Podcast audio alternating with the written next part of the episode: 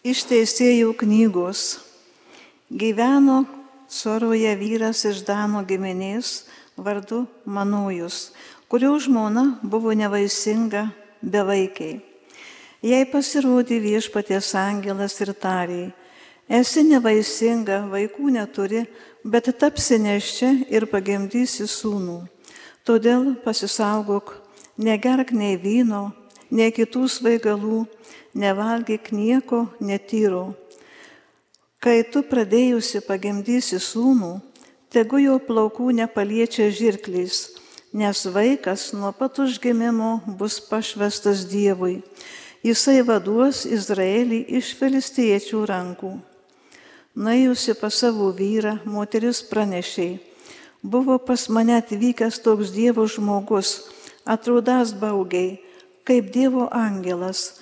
Aš nepaklausiau, iš kur jis būsės, ir jis nepasakė man savo vardo.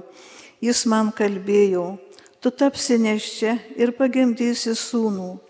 Negerk nei vyno, nei kitų svaigalų ir nevalgyk nieko netyro nes vaikas nuo pat užgimimo ir iki mirties bus pašvestas Dievui. Ta moteris pagimdė sūnų ir pavadino jį Samsonu. Berniukas augo ir viešpats jį laimino. Tada jį pagavo viešpaties dvasia, kuris skatino žygiams. Tai buvo Dano stovykloje tarp Koros ir Eštalo. burna tave šlovinti šlovins,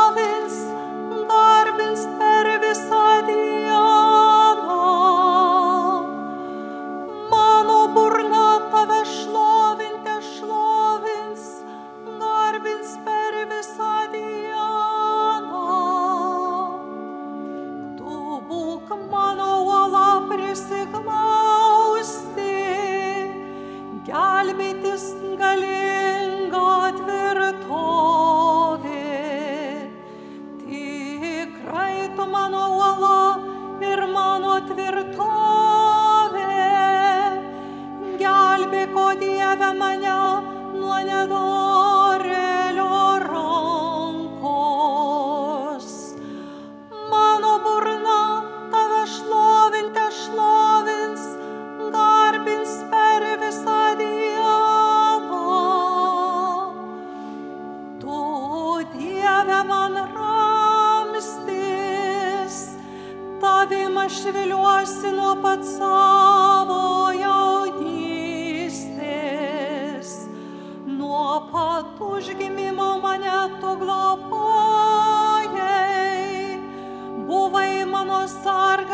Papa.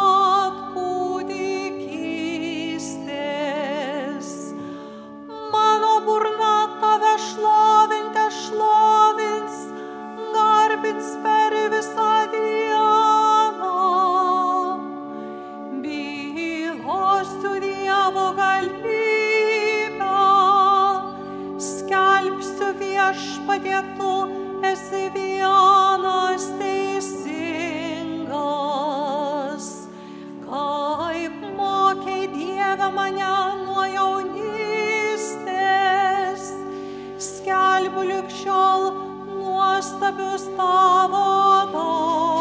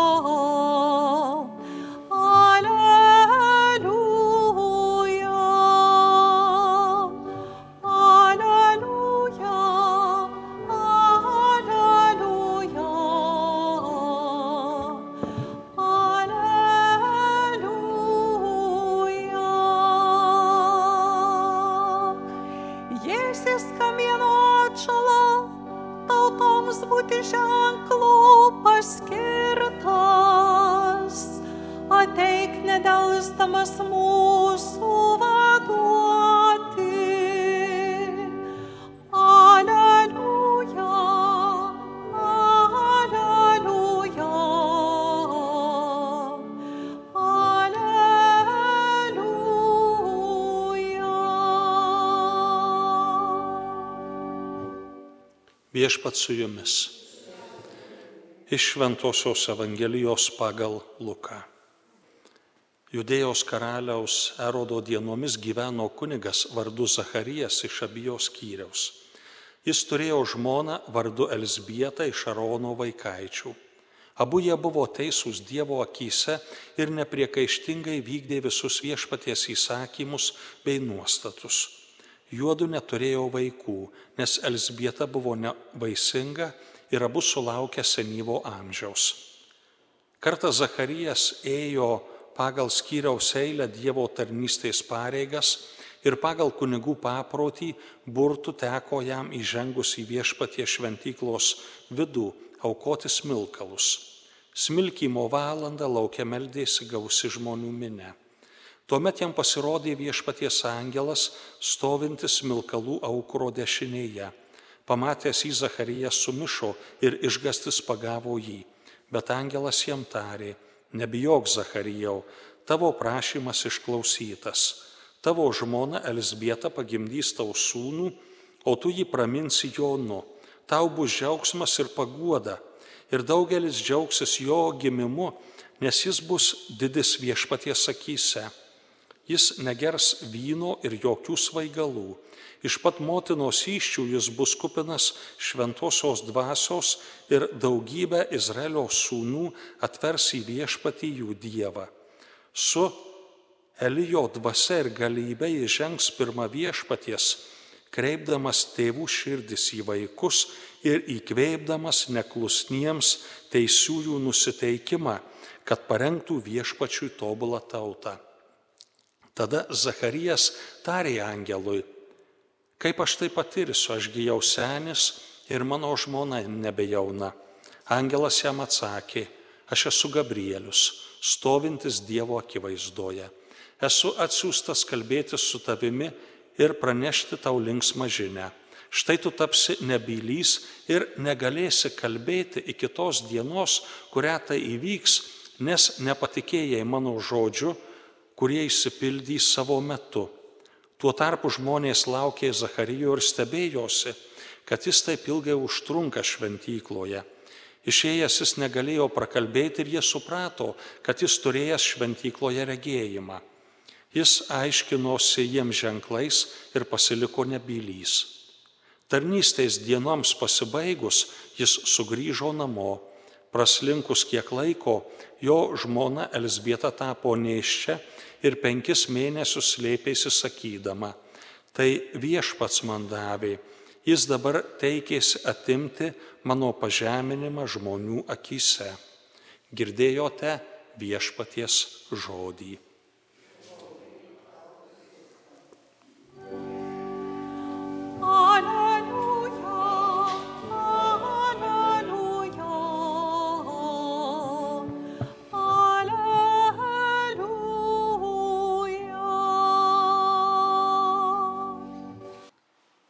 Pasakojama, kad kartą paklausė didįjį Mikelandželą kažkas, maestro, kokiu būdu jums pavyksta sukurti tokias genialiaus grožio skulptūras?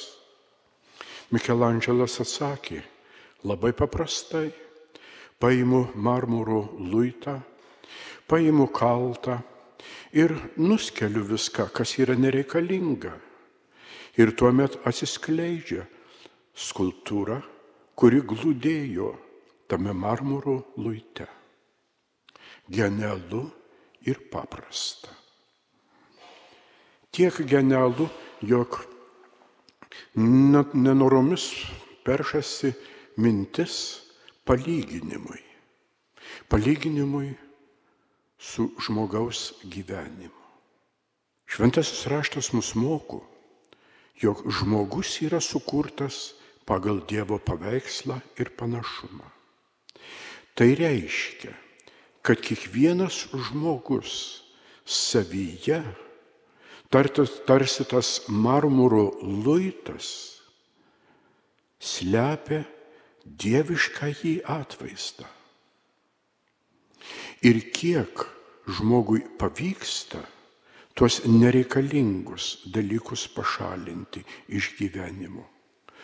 Tiek Dievo paveikslas žmogaus gyvenime išsiskleidžia. Bet tai nėra taip paprasta. Ir Mikelandželas pasakė paprastai, bet pabandykim padaryti skulptūrą, na, kad ir ne iš marmuro, kad iš medžio pabandykim nudrošti ką nors. Ir pamatysim, kaip tai nėra paprasta.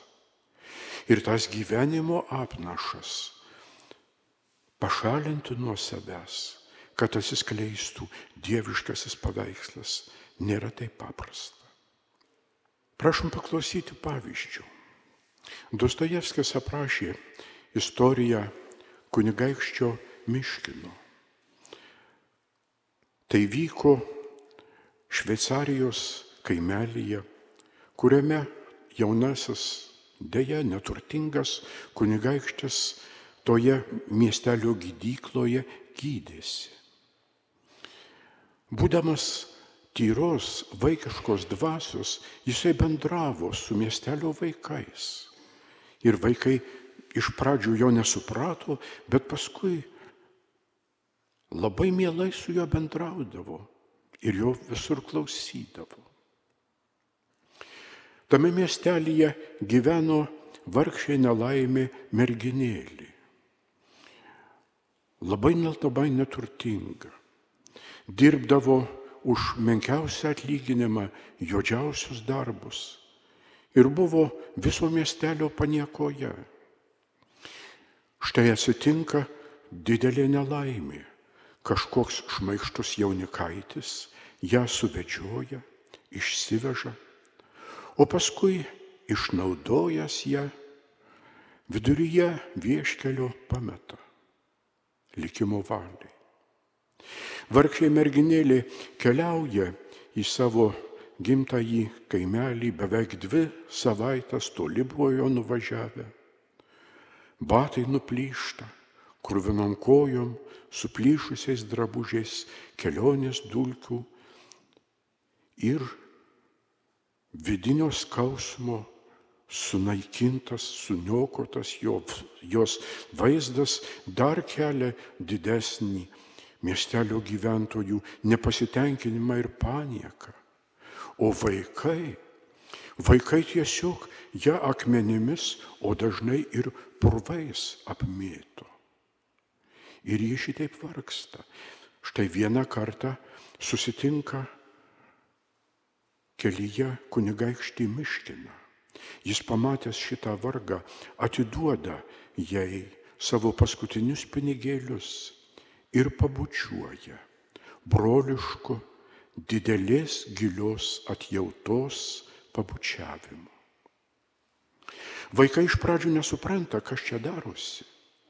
Bet kunigaikštis Miškinas jiems pradeda pasakoti, kad šita mergaitė, ji yra labai nelaiminga, ji labai nelaiminga, viską gyvenime jau praradusi.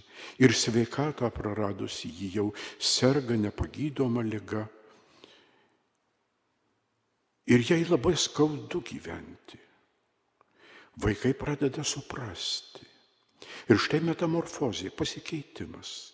Tie vaikai, kurie ją purvais ir akmenimis mėtė, pradeda ją globoti. Tai kasnelį kokį nors kur nors gavę atneša, tai kokį nors drabužėlį, tai batus.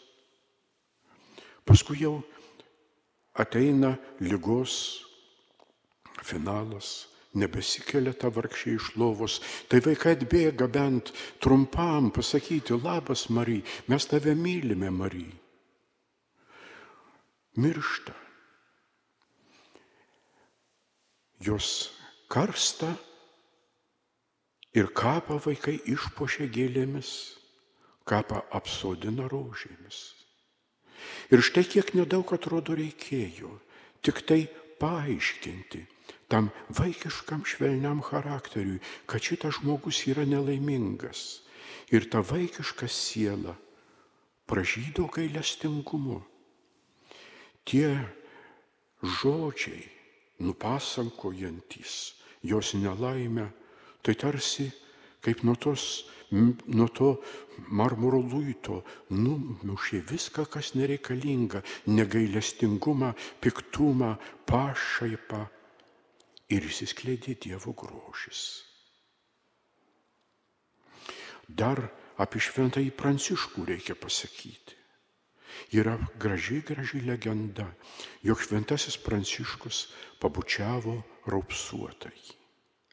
Olivier Messiaen, kuris sukūrė didžiąją 20-ojo amžiaus operą Pranciškus Asižėtis, išryškina labai šitą gyvenimo epizodą. Ir paaiškėja, kad iki tol jis buvo Pranciškus Bernardoni. Pabučiavęs raupsuotąjį, jis tapo šventuoju Pranciškumi. Ir vėl norisi analogiškai galvoti apie savąjį gyvenimą. Gyvenimas toks yra, kad lengva suklysti, lengva padaryti klaidą, o kitą kartą žiūrėk, atsitinka nelaimė ir sunkiai nusidėti, ir didelį nusikaltimą padaryti. Ir kaip mes priimame tada tą vargšą žmogų, kurį gyvenimas ir pasaulis klastingasis, kaip tą mergaitę Mariją, suviliojo ir paliko gyvenimo vieškelio vidury. Jie pareina, jie pareina į savo namus, jie pareina į savasias bendruomenės, į tikinčiųjų bendruomenės. Ką jie randa?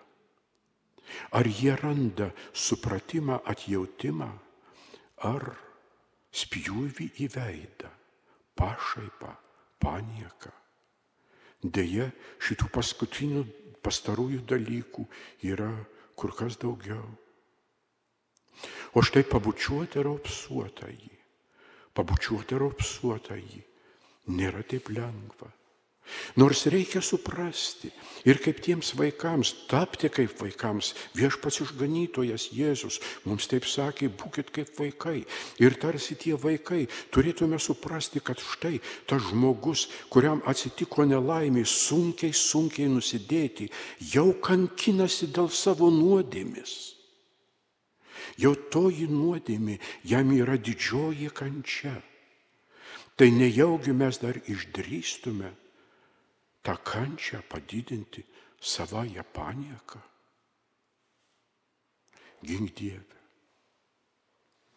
O dabar apie šiandienos skaitinius. Tiek vienam, tiek kitam šventosios istorijos epizode aprašyta didelė nelaimė, šeimos nevaisingumas.